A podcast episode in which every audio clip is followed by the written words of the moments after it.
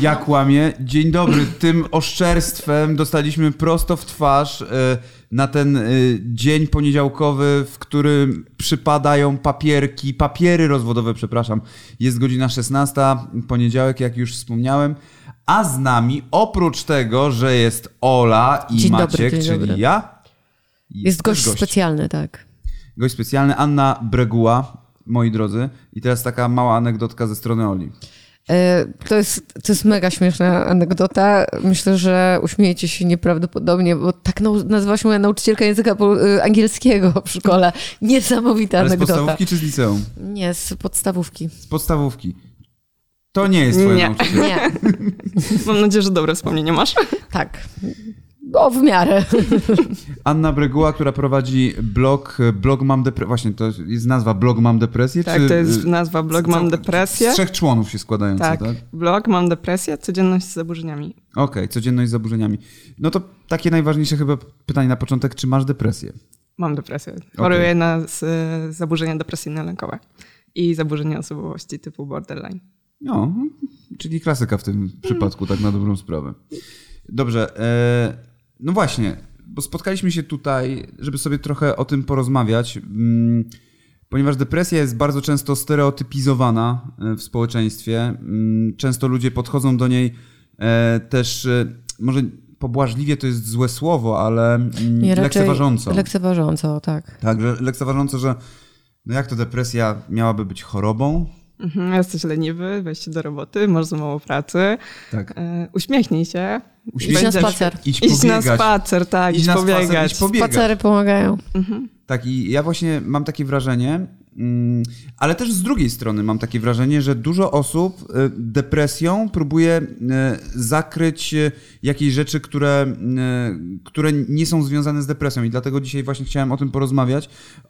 Zarówno o jednym biegunie, jak i drugim biegunie, co w przypadku borderline akurat jest, jest, jest pasu, pasu, pasujące. Powiedz mi, jak u ciebie to się zaczęło w ogóle? Kiedy były pierwsze jakieś, nie wiem, oznaki, kiedy zauważyłaś, że coś może być nie tak i że gdzieś tam w tle jest choroba? W liceum e, miałam problemy już ze snem, miałam problemy takie, że e, angażowałam się we wszystko, co mogłam. Czyli jakby e, zata, zatajałam takie rzeczy typu właśnie problemy ze snem, problemy ze skupieniem i tak dalej. Wszystko wolałam robić. Byłam też dobrym uczniem, wzorowym, e, reprezentacyjnym i na szczeblach nawet e, ogólnopolskich, więc nikt nie zauważył żadnego problemu. E, A zauważyłam, że coś jest nie tak, jak zaczęłam chodzić na otwarte wykłady do, e, na jeden z uniwersytetów. E, No i mieliśmy zajęcia z psychologiem, seksuologiem, e, no i mówił o różnych objawach właśnie zaburzeń depresyjnych, lękowych. No i mówię, kurde, zgadza się. Czyli nie zrobiłaś tego, co klasyczny człowiek robi, czyli nie sprawdziłaś rzeczy w internecie i nie doszło do ciebie, że skoro masz takie objawy, to pewnie to jest rak połączony z AIDS i z wszystkim innym. Nie, nie. Ale czy te objawy, y, które zauważyłaś u siebie wcześniej, y, czy, czy one nigdy mm, nie dały ci do myślenia? W sensie nie, nie myślałaś o tym, że o kurczę, dzieje się coś ze mną złego, czy przyjmowałaś to jako coś, że to jest y, takie twoje i że to jest normalne? E, Przyjmowałam to, że to taki wiek. No, bo hormony, bo się rozwijam, bo coś tam, bo dużo stresu, bo nie Czyli sama matura. sobie to tłumaczyłaś w ten sposób, to Tak. nawet nie, że dorośli, czy, czy ktoś z zewnątrz ci próbował to w ten nie, sposób przetłumaczyć. absolutnie. W ogóle jakby nikt nie zauważył, no bo e, ciężko było zauważyć u osoby, która była ciągle uśmiechnięta, reprezentowała w urzędach miasta szkołę, reprezentowała na różnych zawodach szkołę, e, była zaangażowana we wszystko, co, co nauczyciele chcieli, pisała pracę na konkursy i to jest klucz, że nikt nie zauważył, że w pracach moich konkursowych e, były treści takie o, o samobójstwach, o śmierci. W ogóle fragmenty listów moich samobójczych ludzie czytali i gratulowali mi pracy. No tak, fajny wiersz, napisał, fajne opowiadanie. tak. A to dziennik, halo. Dokładnie, no coś takiego było. Tylko, że ja tego nigdy nie, nie przyznałam, nie? Ale no gratulacje, wszystko fajnie, nagrody były. Ale wiesz, to co mówisz, to jest ciężkie pod tym kątem, że myślisz sobie, no i po, postaw się teraz, wiesz, w roli nauczyciela takiego, dostaje taki list i sobie myśli, o kurde, ale utalentowany uczeń, zajebiście, fajnie, pójdziemy teraz na konkurs tutaj, konkurs y, Laur Plateranki na jedne, jeden wiersz, który ja zająłem drugie miejsce kiedyś w Sosnowcu. Wiesz, gdzie jest Sosnowiec pewnie, prawda? E, tak mi się udało też kiedyś. Co prawda nie był to wiersz o samobójstwie, natomiast nie miałem strasznie dużo wiersz, wierszy i rzeczy związanych z samobójstwem, z, mm, jak tak sobie teraz myślę, e, jakbym to, o czym ty teraz mówisz, jakbym był nauczycielem swoim, e, gdybym dostał te rzeczy, które ja im dawałem, to na pewno bym zaalarmował rodziców, nie? Bo, no bo właśnie teraz jak to rozróżnić? Tak naprawdę, kiedy ktoś do ciebie przychodzi E, i, i właśnie do, daje ci e, swoje jakieś prace, e, swoje rzeczy, listy i, i kiedy tak naprawdę zdiagnozować tę depresję, czy coś, że coś, coś jest nie tak? No myślę, że przede wszystkim rozmową, nie? Wziąć ucznia na bok, nie przy całej klasie, bo takie rzeczy, rzeczy też się zdarzają niestety. Naprawdę? Tak. No. Przy całej klasie nauczyciel bierze ucznia i Mówi, ej, a ty nie masz depresji czasem? No, jakby... Myślę, że mogą się zdarzyć. Mogą się zdarzyć. No. Pedagodzy nie są na to przygotowani, bo ja szkolę kadrę e, pedagogiczną i studentów psychologii i no, są w szoku niektórzy, nie? że jak można zareagować, albo słyszę, e, no po co mam reagować, skoro nic nie zrobię, jeśli jakieś dziecko jest w przemocowej rodzinie no jak nic nie zrobisz, no zareagujesz, uratujesz w jakiś sposób to, to dziecko. E, no ale ciężko jest zauważyć e, objawy zaburzeń psychicznych, bo to ukrywamy. Jesteśmy bardzo dobrymi aktorami. Ja przez dwa lata miałam duży żal do właśnie pedagogów, rodziny, że nikt nie zauważył. E, no a dzisiaj wszyscy mi mówią, no nie dało się tego zauważyć, bo świetnie się kryłam, nie?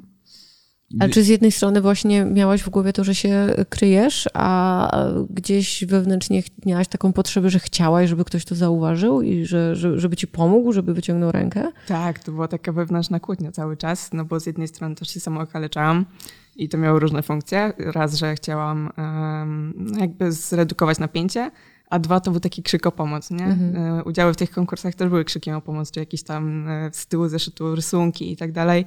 No to słyszałam, no przestań, e, szkoda zeszytu, nie? Więc... Musiałabyś też moje zobaczyć. Tymona zaraz mogę ci przynieść. Lepiej nie. On tylko, Tymon tylko nie, nie, nie rysuje po podręcznikach, bo podręczniki są pożyczone z biblioteki. Tak. W tej chwili tak jest, nie? My kupowaliśmy podręczniki, więc ja miałem całe zapisane po prostu różnymi dziwnymi rzeczami. Rzeczywiście zdarzało się, że nauczyciele zwracali uwagę, jeżeli była tam swastyka, którą e, ironicznie z moim e, e, kolegą sobie rysowaliśmy, robiliśmy różne rzeczy z tym związane nie tylko z tym, z różnymi symbolami, ale rzeczywiście to mogło zaniepokoić nauczycieli. Ale wiesz, bo powiedziałaś, że masz żal trochę do tego grona pedagogicznego.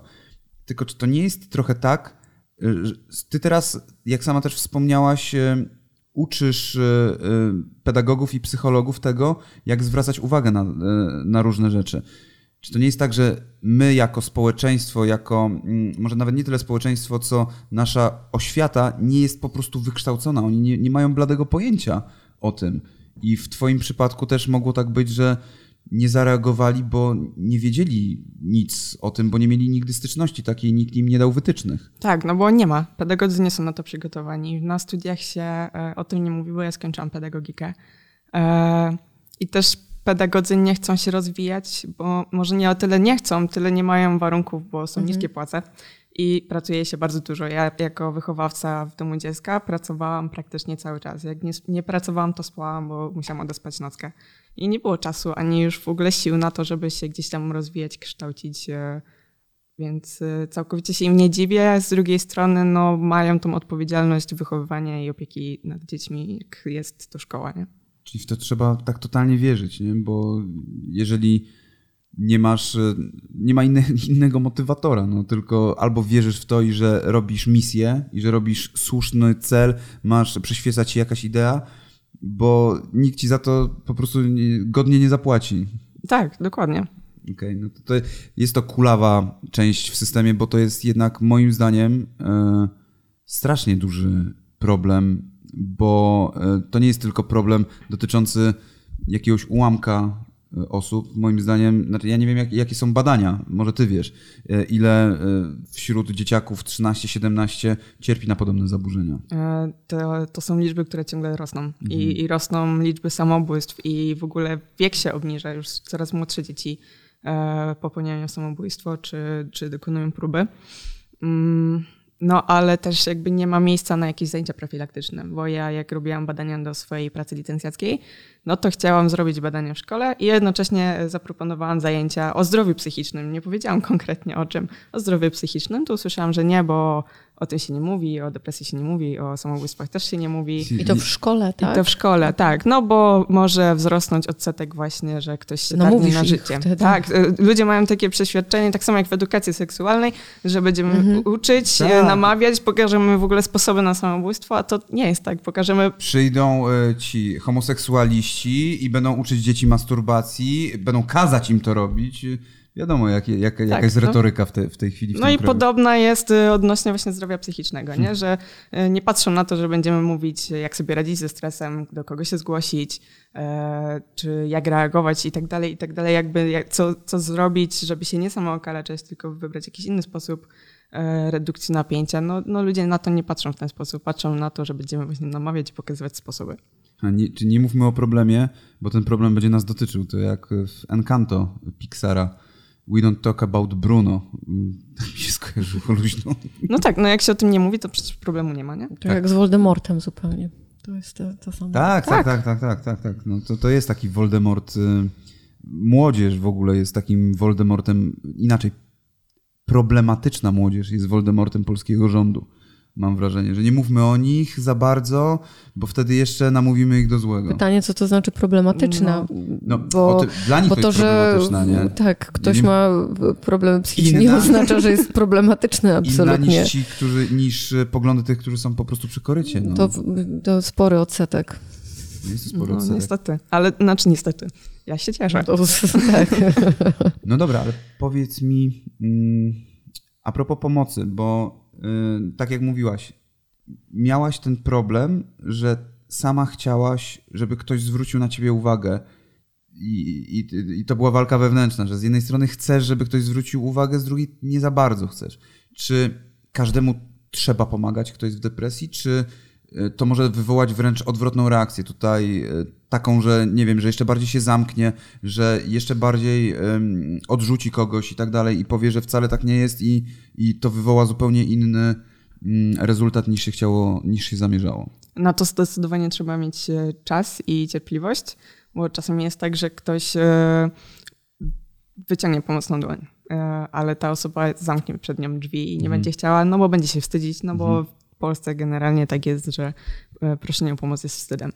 E, No i będzie ta osoba mogła żałować, że właśnie zamknęła przed kimś drzwi i warto wtedy powiedzieć, że okej, nie chcesz teraz ze mną rozmawiać, nie chcesz teraz mojej pomocy, ale jak będziesz chciał, to przyjdź. Czyli się nie obrażać. Czyli się nie obrażać, no, no być wyrozumiałym i cierpliwym na to.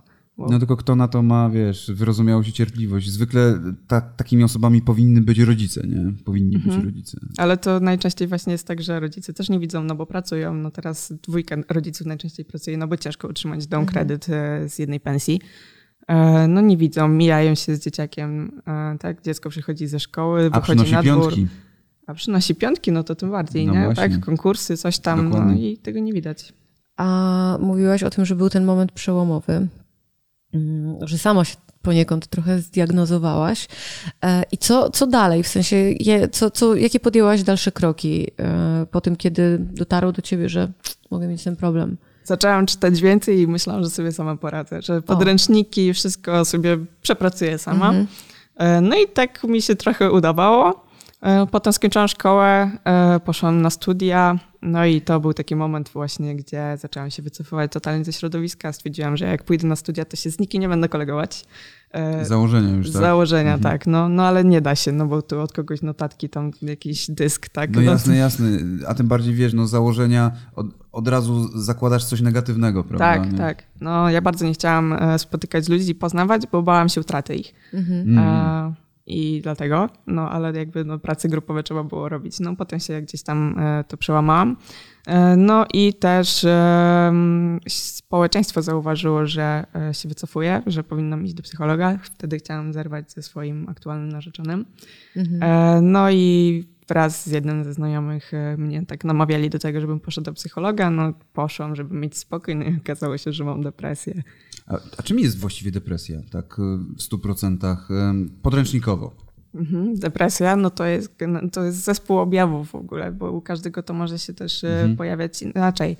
u jednego będzie nadmierna senność, u drugiego brak tego snu, nadmierny apetyt, brak apetytu, e, taka anhedonia, e, obniżenie nastroju, utrata zainteresowań, coś, co kiedyś nas cieszyło, już dzisiaj nie cieszy, właśnie odsunięcie się od środowiska, takie rzucenie wszystkiego i taka obojętność wobec tego. Nic, no, nic po prostu nie cieszy, problem z uczuciami, nie, nie odczuwa się nic na przykład. Tylko y, to jest właśnie to, o czym mówiłem na samym początku, czy to nie jest tak, że można teraz, w, że to już jest takie szerokie spektrum, że można wszystko pod to podciągnąć. Tak, bo to jest szerokie spektrum, bo jest depresja, są stany depresyjne, epizody depresyjne. No stany depresyjne to są takie cykliczne właśnie momenty, kiedy e, obniża się nasz nastrój. E, epizody depresyjne trwają trochę dłużej, bo kilkanaście dni. E, no i też się pojawiają regularnie. Mm, no a depresja jakby trwa tak długo, no i może być umiarkowana, lekka lub e, ciężka, nie? A jaką u ciebie stwierdzono? U mnie to się zmieniało, bo mhm. Pierwsza moja diagnoza to była po prostu depresja, epizod umiarkowany. Potem miałam podejrzenie choroby afektywnej dwubiegunowej. Mm, potem zmieniłam lekarza psychiatrę i psychoterapeutę, to dostałam właśnie zaburzenia depresyjne, lękowe. No i trafiłam do szpitala i dostałam jeszcze no, zaburzenia osobowości typu borderline. A co, co się wydarzyło? co się wydarzyło? Tak, co się wydarzyło, że trafiłaś do szpitala? E, ja miałam iść do szpitala od samego początku w sumie swojego leczenia, ale bardzo się bałam, bo no, stygmatyzacja. Czyli od razu lekarz nie, założył, że powinnaś tak. pójść do szpitala, tak? E, tak, no bo byłam w takim stanie, ja miałam e, myśli samobójcze, byłam tak krok od próby samobójczej. Mhm to jest raz, że stygmatyzacja, dwa, wizerunek szpitala pewnie gdzieś tam w głowie, nie? Że sobie tak. myślisz, że no ja pierdolę, pójdę do szpitala. Kurwa, Jack Nicholson był w szpitalu w locie nad kukułczym gniazdem. tak, Więc tak, tak. Te wszystkie filmy są po prostu odtwarzane nagle w głowie. Mhm. Tak, i czy to. No i dobra, no to powiedz, czy to rzeczywiście wygląda tak jak w filmach, czy jest zupełnie inaczej? Nie, zupełnie inaczej. Jakby e, no, nie jest to super luksusowy szpital, tak? Ja też byłam na no, nie do końca dopasowanym do mnie oddziale, bo są różne, bo są oddziały terapeutyczne, przeciwuzależnień ogólnopsychiatryczne. Ja byłam właśnie na ogólnopsychiatrycznym, zamkniętym, gdzie nie miałam totalnie wyjścia. E, byłam w sali obserwacyjnej, czyli cały czas pod kamerą. E, łazienki były takie, no, że... Jak youtuberzy po prostu w tej chwili. tak, dokładnie. E, wszystko było Może widać. dla nich to jest jakaś forma terapii rzeczywiście. Nie? Mhm. No, no, na pewno robiliśmy robotę pielęgniarką, one wszystko skrupulatnie zapisywały w notatnikach, kto okay. co zrobił. Um, no i generalnie ja na przykład nie mogłam wychodzić. E, mhm. Musiałam mieć zgodę lekarza na to, żeby iść na spacer. To... A, na miasto na przykład. No, tak na miasto to nie, byś nie, chciał, nie? nie to był... na, na szpital. Tak, to był, to był jak spacerniak, po prostu wokół szpitala, dwa kółka, no i do sali, nie? A, okej. Okay. Rozumiem, ale powiedz mi, poszłaś tam, to, to była twoja decyzja, prawda? E, tak, no dostałem... Jak to wygląda właśnie, że musisz podpisać coś i tak dalej, że zgadzasz się na wszystko, tak? Mm, no tak, znaczy to jest tak, że dostałam skierowanie od lekarza, psychiatry. E, no to był COVID, więc generalnie miałam problem z dostaniem się tam, okay. bo była zamknięta izba przez dwa dni, więc czekałam. E, no to przyszłam, e, no to narzeczony mnie odstawił pod bramą, odprowadził mnie e, strażnik. No, przyszłam na izbę przyjęć, no i jakby jest wywiad cały. Patrzę na skierowanie, jakie leki brałam, e, no co się dzieje, dlaczego tu przyszłam i tak dalej. No, jest pobierana e, krew do badań, czy nie jesteśmy pod wpływem narkotyków. No i przeszukanie wszystkich rzeczy, czyli zabranie wszystkich sznurków, pasków, e, maszynek, wszystko, co jest takie zagrażające.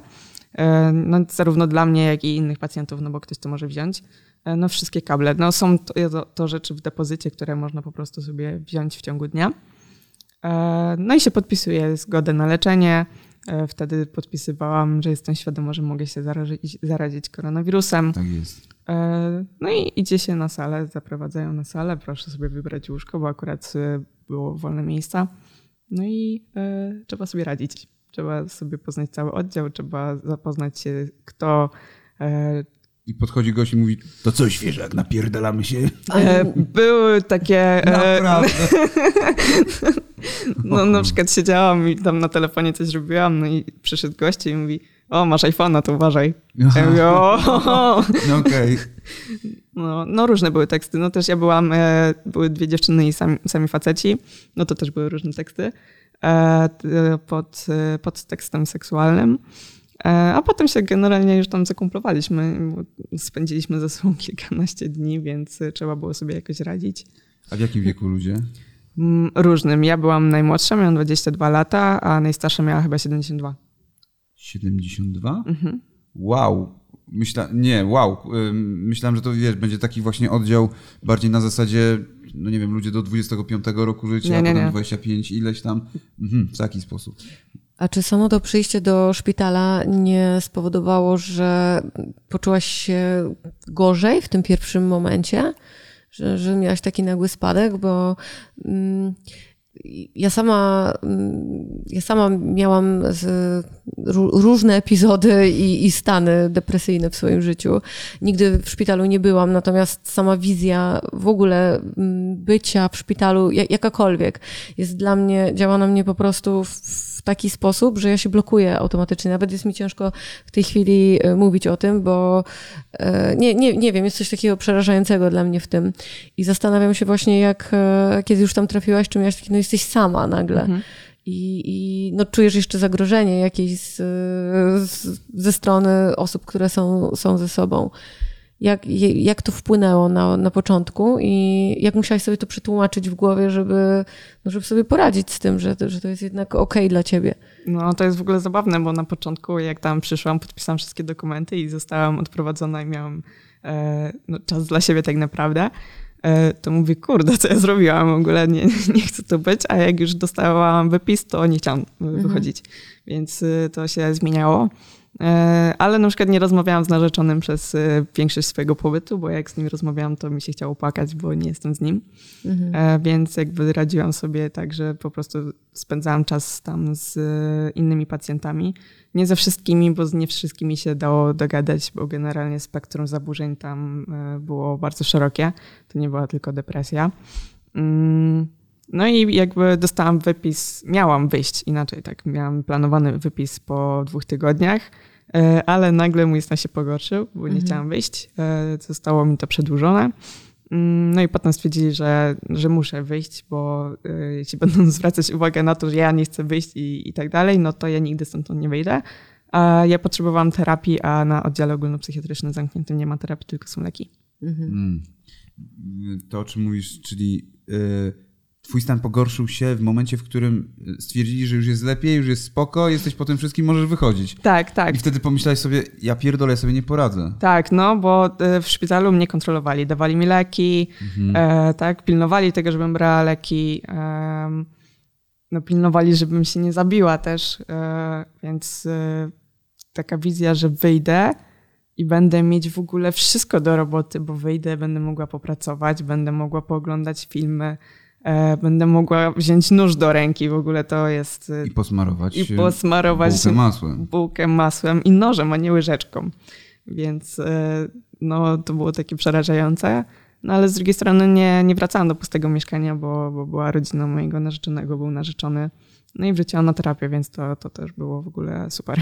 No właśnie mówisz, że byłaś przez ten czas e, odcięta e, od możliwości kontaktowania się chociażby z narzeczonym i też wcześniej mówiłaś o tym, że, że planowałaś również te zaręczyny zerwać e, i ja- jak, jak, jak wyglądało z, z punktu widzenia na- narzeczonego bycie z, z osobą, która jest e, chora, jak wyglądało to z, z jego punktu widzenia e, i jak on sobie radził w tym czasie, bo to myślę, że było bardzo trudne również e, dla niego, kiedy ciebie nie było i nie mógł się z tobą kontaktować, nie wiedział, co się z tobą dzieje. W ogóle całe życie z osobą, e, która zmaga się z zaburzeniami psychicznymi jest ciężkie. E, Szczególnie, że mam borderline, tak? To jest w ogóle wachlarz całych emocji. Dzisiaj go kocham, jutro go nienawidzę.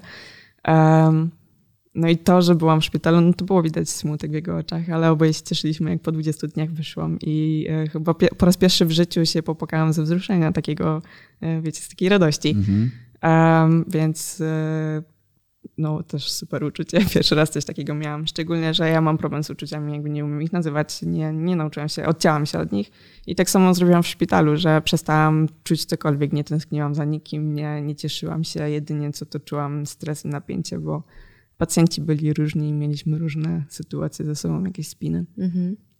Mm, Bo ja się na przykład zastanawiam, czy mm, lepiej jest na przykład dwóm osobom, które mają zaburzenia i są ze sobą, czy wręcz na odwrót? Myślę, że na odwrót, bo też się bardzo długo zastanawiałam, czy nie byłoby lepiej, gdybym e, była z osobą z podobnymi zaburzeniami, bo, niby, bo byśmy się rozumieli. Tak, bo niby wie, e, co się dzieje, wie, jak niby pomóc i tak dalej.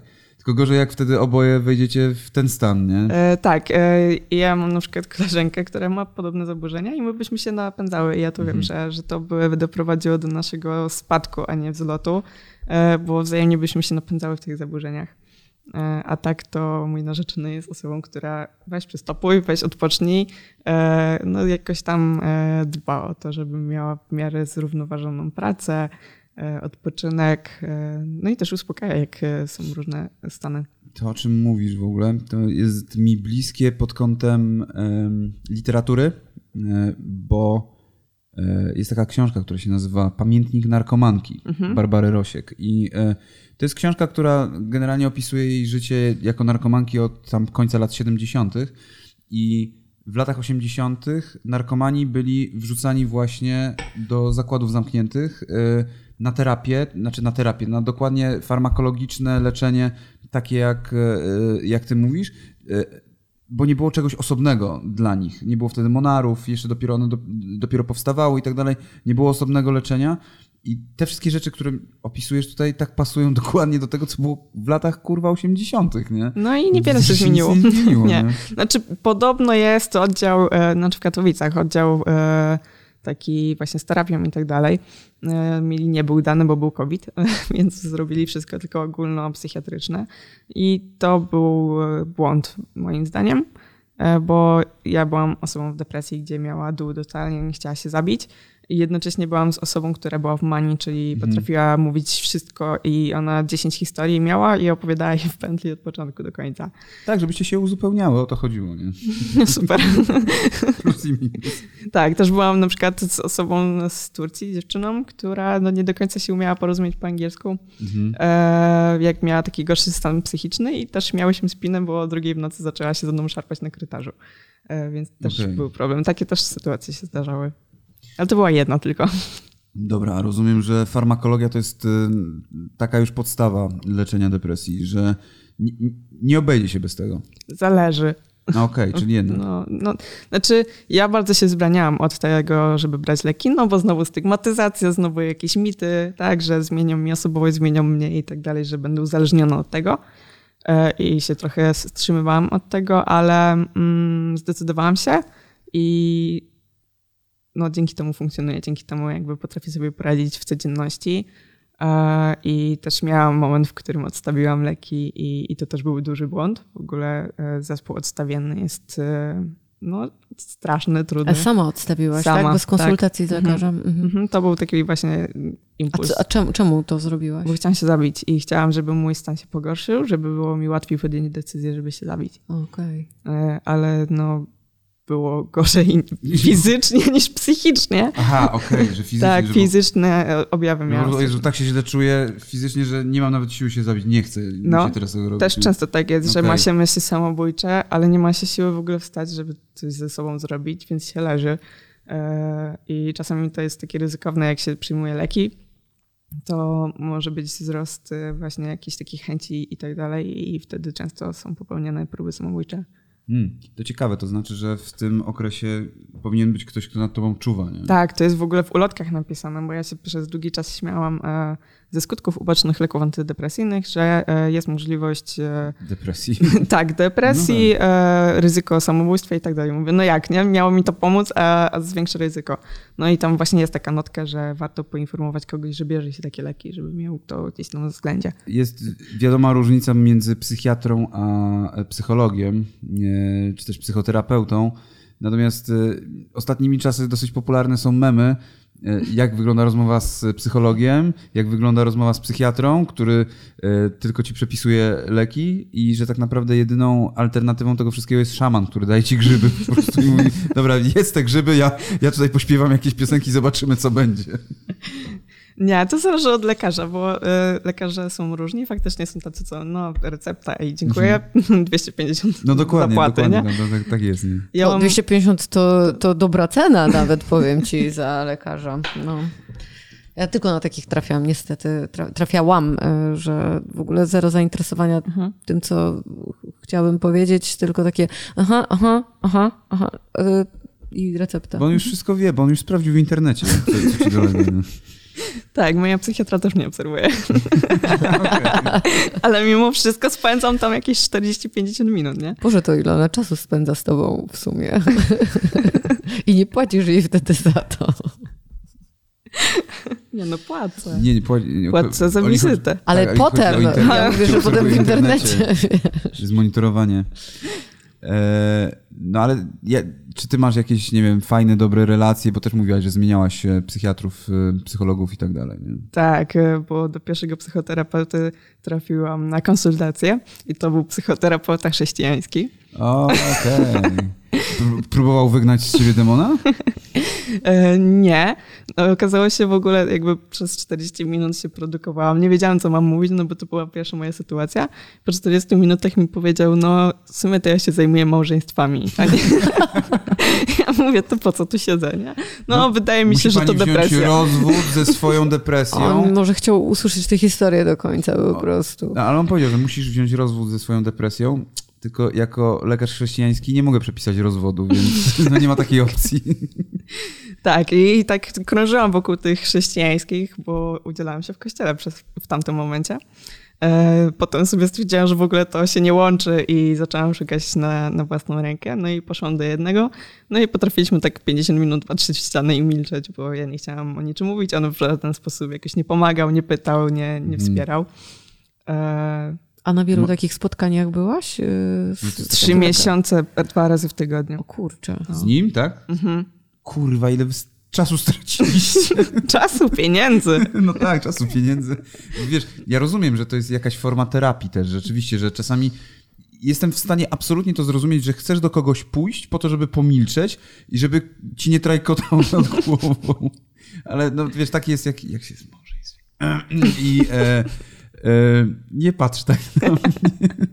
Ja w ogóle nie patrzę na ciebie. Więc jestem w stanie zrozumieć to, serio, że jest to forma terapii.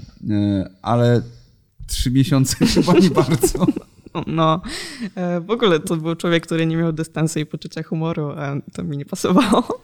To jest raz, a dwa, mm, nie wiedziałam, jak ma wyglądać terapia. Nie? On Mhm. przychodziłam, mówił, to pani zaczyna.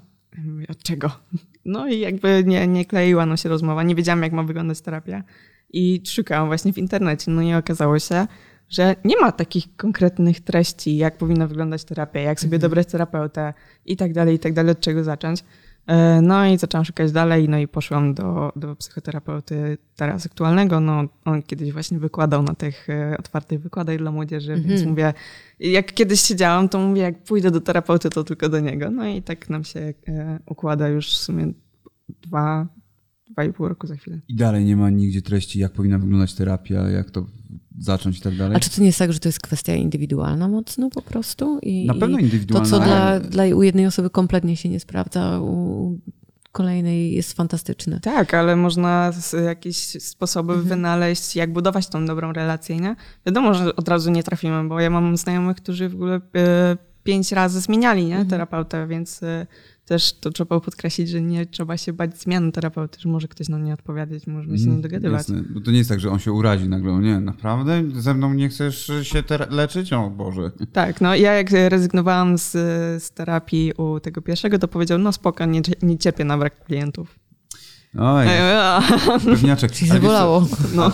Ale, ale tak jest. Tak, tak mi się wydaje, że są ludzie, którzy mają małą asertywność i ciężko jest im e, powiedzieć komuś obcemu właściwie, e, że no słuchaj, wiesz co, jednak e, nie najlepiej nam się rozmawia albo no nie, nie wiem, no nie dogadujemy się. No, Mhm. zresztą ludzie trwają przez lata w toksycznych związkach, kurwa, i nie potrafią innej osobie powiedzieć, że nie chcą z nią być. Nie? Tak, to, to jest prawda. A to jest też tak, że no, jakaś relacja się zawiązała, poznaliśmy kogoś, powiedzieliśmy dwa, trzy zdania Tym o sobie właśnie, nie? i jest problem, no bo co, znowu mam iść do kolejnej osoby i znowu zacząć od początku Mm. i to był mój cały czas problem, na przykład jak poszłam do szpitala, no i kolejny raz historię swojego życia musiałam opowiadać, bo to trzeci mój psychiatra, bo e, kolejny psycholog, nie? I tak znowu... Im jest- będziesz starsza, tym częściej będziesz opowiadała tę samą historię i się doskonale bawiła. Ja tak mam, opowiadam wiele razy te same anegdoty. Naprawdę. I, i, i z każdą, Nikt się nie bawi z tak dobrze się jak bawię on. coraz bardziej. No. E, ale to jest... Czy to jest trochę taka relacja e, pomiędzy psychoterapeutą a tobą, takie love-hate relationship, że z jednej strony... Ja mam to, wiesz, oglądam e, Sopranos sobie teraz, e, więc tam jest po prostu to bardzo mocno przedstawione. Za mocno oczywiście, e, przekoloryzowane, ale mimo wszystko... Nie byłam nigdy na takiej terapii jak sam. Ale mimo wszystko, wiesz, no, że nie wiem, że wkurwiasz się na swojego terapeutę, że wyciągnął coś, co gdzieś, nie wiem, skrywałaś No i... oczywiście. Okej. To jest coś takiego, no, to jest relacja inna niż wszystkie tak Mhm. naprawdę. E, I to jest ważne w ogóle, żeby umieć powiedzieć, ale się wkurwiłam na pana, nie? No, I to jest jakby u mnie to jest normalne, że albo on wyciąga, nie? Że na przykład, nie wiem, coś powiedział i ja no, ręce założyłam i mówi, co, co pani do mnie czuje? Złość. no jakby to jest e, normalna część terapii, że, że czujemy różne emocje do terapeuty, no bo jesteśmy z nim w relacji mhm. i warto właśnie o tym e, rozmawiać, bo dzięki temu się uczymy też e, być w innej relacji i mówić, że nie wiem, coś mnie zirytowało, tak? I tak dalej. Ja mam wrażenie czasem, że terapeuta nawet celowo cię tak dźga i wie, gdzie ukuć właśnie po to, żeby, e, żeby te emocje wyzwolić i, i, i żeby to nazwać i zastanowić się, dlaczego to nas zdenerwowało, skąd akurat Zupełnie jak zdenerwowanie kanały na to. commentary na YouTubie robią. Albo Prawie. Maja Staśko na Twitterze pisząc posty jakikolwiek. Mam wrażenie, że ona rzuca właśnie tutaj, a dorzucę tę zapalniczkę do ogniska, zobaczmy co się stanie. Petardę. No, Troszeczkę tak. E, Ja w swoim życiu byłem na.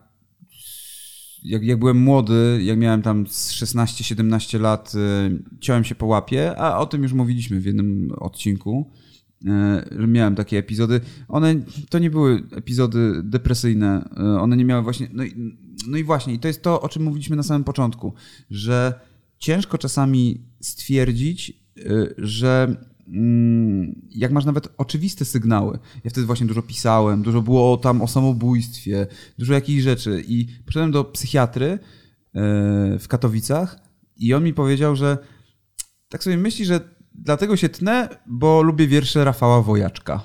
I e, kurwa i miał rację w sumie, bo w sumie ciąłem się y, i jakby też byłem, starałem się być właśnie taki emo, kiedy jeszcze nie było emo, nie, w ogóle. Starałem się być właśnie taki mroczny, taki inny, właśnie dlatego, żeby być takim trochę tym artystą, na siłę takim właśnie zagubionym, takim właśnie w tej, na skraju przepaści. Taki, który mm, robi jakieś dziwne, mroczne rzeczy. Y, I, I ja tak miałem. No, nie wiem, jak mają oczywiście inni, bo ja tutaj za innych nie mówię, mówię tylko y, za siebie. Natomiast no, u mnie tak było. No dlatego ważna jest rozmowa, nie? Żeby zapytać, dlaczego coś się dzieje, czy coś się zmieniło. Bo czasami to są takie rzeczy, które gdzieś tam w domu się dzieją i, i dzieci nie mówią. Czy, czy jakieś, nie wiem, wydarzenie, nie wiem, zmarł dziadek, cokolwiek, no to to może wszystko wypolić.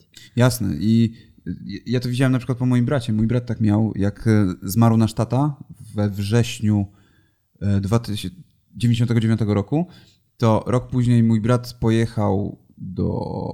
Gdzie on pojechał? Tajlandii, e, gdzieś tam te okolice turniej grał, bo on był tenisistą. E, I wrócił i dostał jakieś choroby i szukaliśmy wszystkich możliwych egzotycznych chorób. Czy on ma kurwa jakąś, nie wiem, nie meduzę, jak się nazywa to, co... Meduzę? No, jak się nazywa to taka Jakąś lamblię? Nie, no, nie wiem. L- Lamblia to była jedna z. No szukaliście pasożyta albo tak, czegoś takich takiego. pasożytów, jakichś takich bakterii. e, Meduza to jest, to jest ten pasożyt, którego podobnie, przywozicie słuchajcie, ja Tunezji. Ja to potem znajdę. Z Tajlandii, nie z Tunezji. Przepraszam, z Tajlandii meduza jednak jest. Nie, ekto, nie ektoplazma. Kurde, nie pamiętam jak to się nazywało, ale tak śmiesznie. jakoś. Ektoplazma. Meduza, ektoplazma, coś takiego. Toksyplazmoza? Nie, też nie. Nie, nie. nie pamiętam jak to się nazywało. Szukaliśmy wszystkiego, a okazało się, że ma po prostu depresję. Mhm. To jest w ogóle e, zabawne, jak, znaczy zabawne, No, w wiesz, wszystko, nie? Wszystko tak na dobrą sprawę jest koniec końców zabawne w obliczu całego kurwa świata, nie? Tak, że e, jakby psychika działa na organizm i organizm działa na psychikę. I e, mam taką koleżankę, która e, miała siostrę, która trenowała pływanie.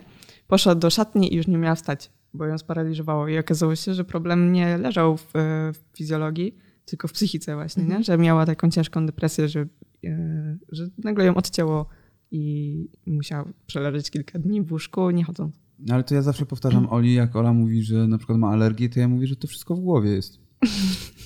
Ale akurat z tymi pasożytami jest tak, że y, cze- część pasożytów jest y, związana z, Mhm. y, z chemią mózgu w dużym stopniu i z tym, z jakimiś właśnie mm, stanami depresyjnymi. Tak, jelita mają No na to właśnie chciałem wpływ. powiedzieć, że bakterie w jelitach Tak, i no tak dlatego dalej. warto brać e, probiotyki. Mhm. Probiotyki, a w ogóle no jest taka też metoda przeszczep kału.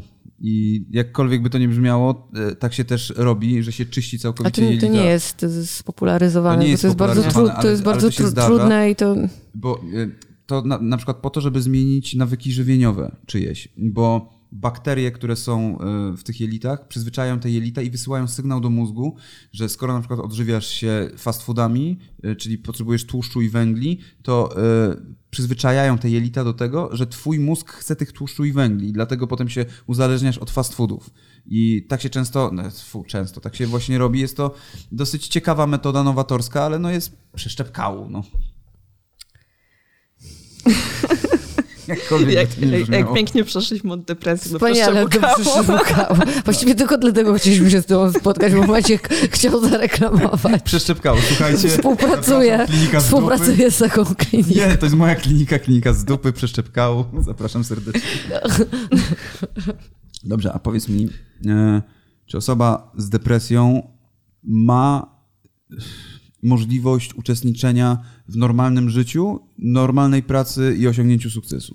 O, to jest skomplikowane, bo mm, ja uważam, że tak. Mhm. Że są po to leki, jest po to terapia, są e, remisje choroby i tak dalej.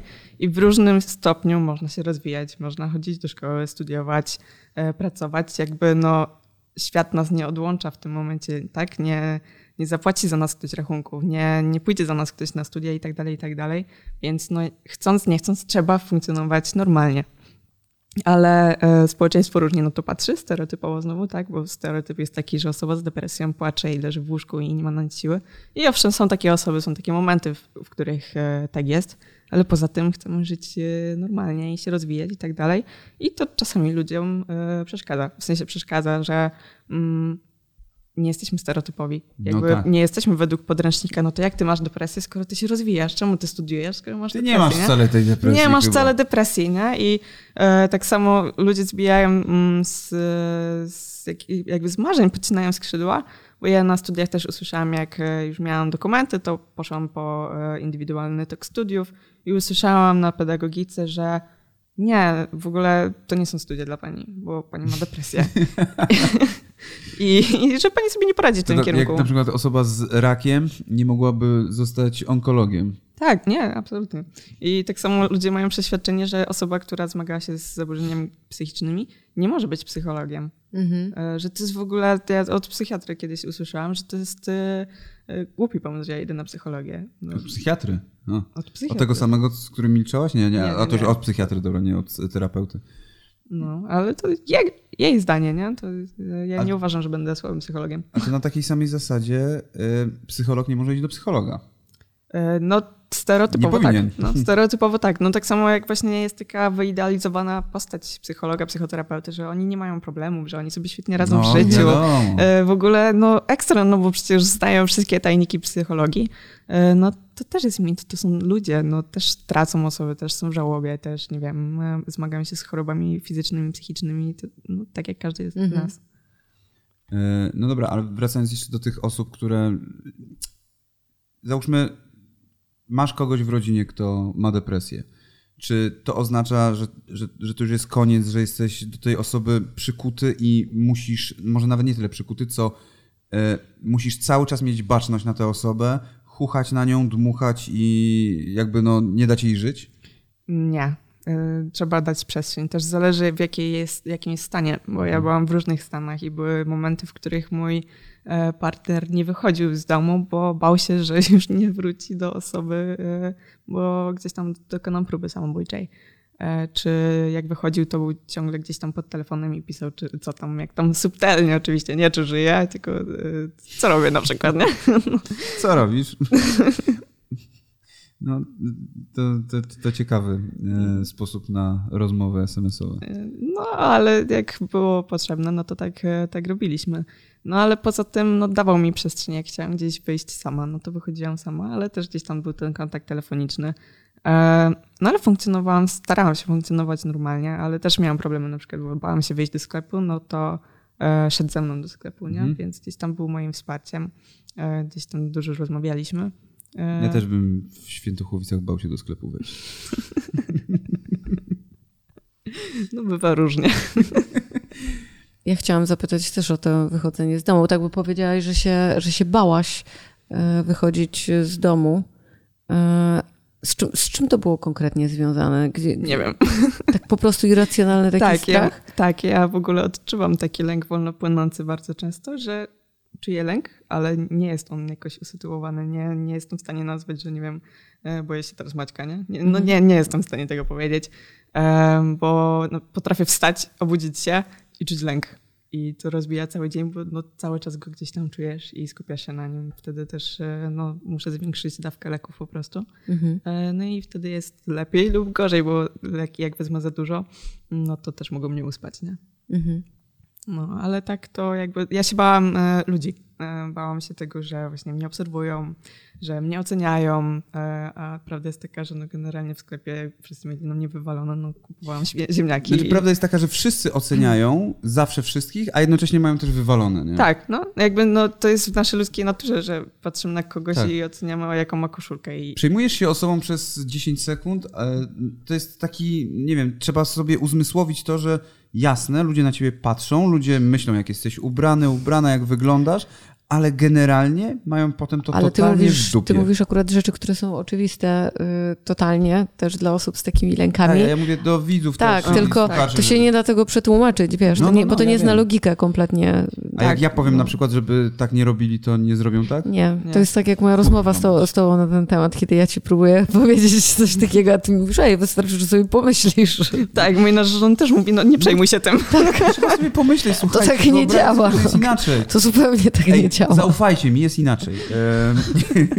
Ale jeszcze na koniec chciałem jedną taką rzecz zaznaczyć, że to wszystko, o czym tutaj mówimy, mm, widzisz, my też mamy, my tego nie wiemy, nie? tego wszystkiego, co, co ty nam powiedziałaś. E, my tego nie wiedzieliśmy. My e, może i mieliśmy jakieś, nie wiem, epizody depresyjne, czy Ola miała e, jakieś większe stany, jak była młodsza, to mimo wszystko my tego nie wiedzieliśmy, bo my jesteśmy niewyedukowani w tym zakresie. Nie ma czegoś takiego w Polsce, co szczególnie wśród młodych ludzi, co powinno być, co raz, że pomogłoby tym nauczycielom, tym pedagogom e, podjąć taką pracę i walkę, dwa, uczniom, którzy mają tego typu problemy, a trzy, e, ich kolegom, którzy nie mają tego typu problemów i którzy właśnie, nie wiem, bagatelizują te rzeczy albo widzą kogoś i, nie wiem, wyśmiewają często. Mhm. No właśnie najtrudniejsze jest z tą młodzieżą, bo młodzież chce, młodzież chce się uczyć, młodzież tego potrzebuje i wie zarówno właśnie zdrowia psychicznego, jak i edukacji seksualnej, bo edukacja seksualna też się wiąże ze zdrowiem psychicznym, bo tak, mówimy o tworzeniu związków, relacji i tak dalej e, i młodzież to chce, ale nie ma na to przestrzeni w szkołach. No to prawda. No. I to jest największy błąd e, tego, co się dzieje w tej chwili w tym kraju, moim zdaniem, bo ja uważam, że młodzież jest młodzieżą tego kraju. Przyszłość narodu. E, czy na swoim blogu podjęłaś się takiej misji trochę, żeby zrobić to, czego ci, do, do, czego nie daje ci narzędzi i możliwości, chociażby w takiej szkole, tak? Gdzie, gdzie po prostu postawili granice. Mhm, tak, no przede wszystkim jakby chciałam odpowiedzieć na pytania, które ja sobie zadawałam i znalazłam mhm. odpowiedź na różny sposób, ale nie w internecie w łatwy sposób. E, no i tak y, jakby moją pierwszą misją było to, żeby właśnie ludziom pokazać, e, czym są te zaburzenia e, i tak dalej. Potem się okazało, że to jest taka trochę moja autoterapia, bo zarówno piszę o swoich doświadczeniach, jak i takich o faktach ogólnych. Mhm. E, no i tak sobie teraz też podróżuję po, po Polsce, poznaję różnych ludzi, wchodzę w różne współprace i, i to jest taki mój sposób na rozwój. Um, Chyba przełamywanie lęków też. Przełamywanie lęków też bardzo. To... Bo widzisz, tak jak wtedy wychodziłaś z założenia, że nie chcę poznawać ludzi, żeby ich nie stracić. Mhm. E, no to bardzo, bardzo dobrze. No jest to autoterapia zawsze, no, pomagająca na różne rzeczy. Nasz znajomy e, Paw Beats, taki muzyk, producent, e, przez długi czas miał i ataki paniki, i lęk wysokości, i to taki bardzo, bardzo mocny, więc co zrobił? Zaczął się wspinać po górach. I to tak na maksa, że teraz robi jakieś 6-7 tysięczniki. E, więc no można, można, tylko po prostu no, potrzebna jest pomoc. Mhm, tak, pomoc, wsparcie w ogóle już nawet nie samego terapeuty, ale przyjaciół, znajomych, e, bo też bałam się wystąpień publicznych. Dzisiaj to jest dla mnie coś normalnego i wiem na przykład, że będę występować publicznie. No i bardzo dobrze. Naszym gościem, moi drodzy, była Anna Breguła. Bardzo Ci dziękujemy. Ja Blog Mam dziękuję. Depresję. E, Możecie znaleźć na Instagramie. Zresztą link będziecie mieli w opisie. A my co? Żegnamy się z wami, kochani. Bądźcie dla siebie mili, dobrzy i zwracajcie uwagę na innych. Zwracajcie uwagę na innych. Zwracajcie uwagę na jakieś sygnały w waszym otoczeniu, e, bo być może to są pierdoły i one kompletnie nic nie znaczą i po prostu ktoś lubi wiersze Rafała Wojaczka, a czasami może być po prostu duży problem. Dziękujemy wam bardzo. Dziękujemy. Dziękuję.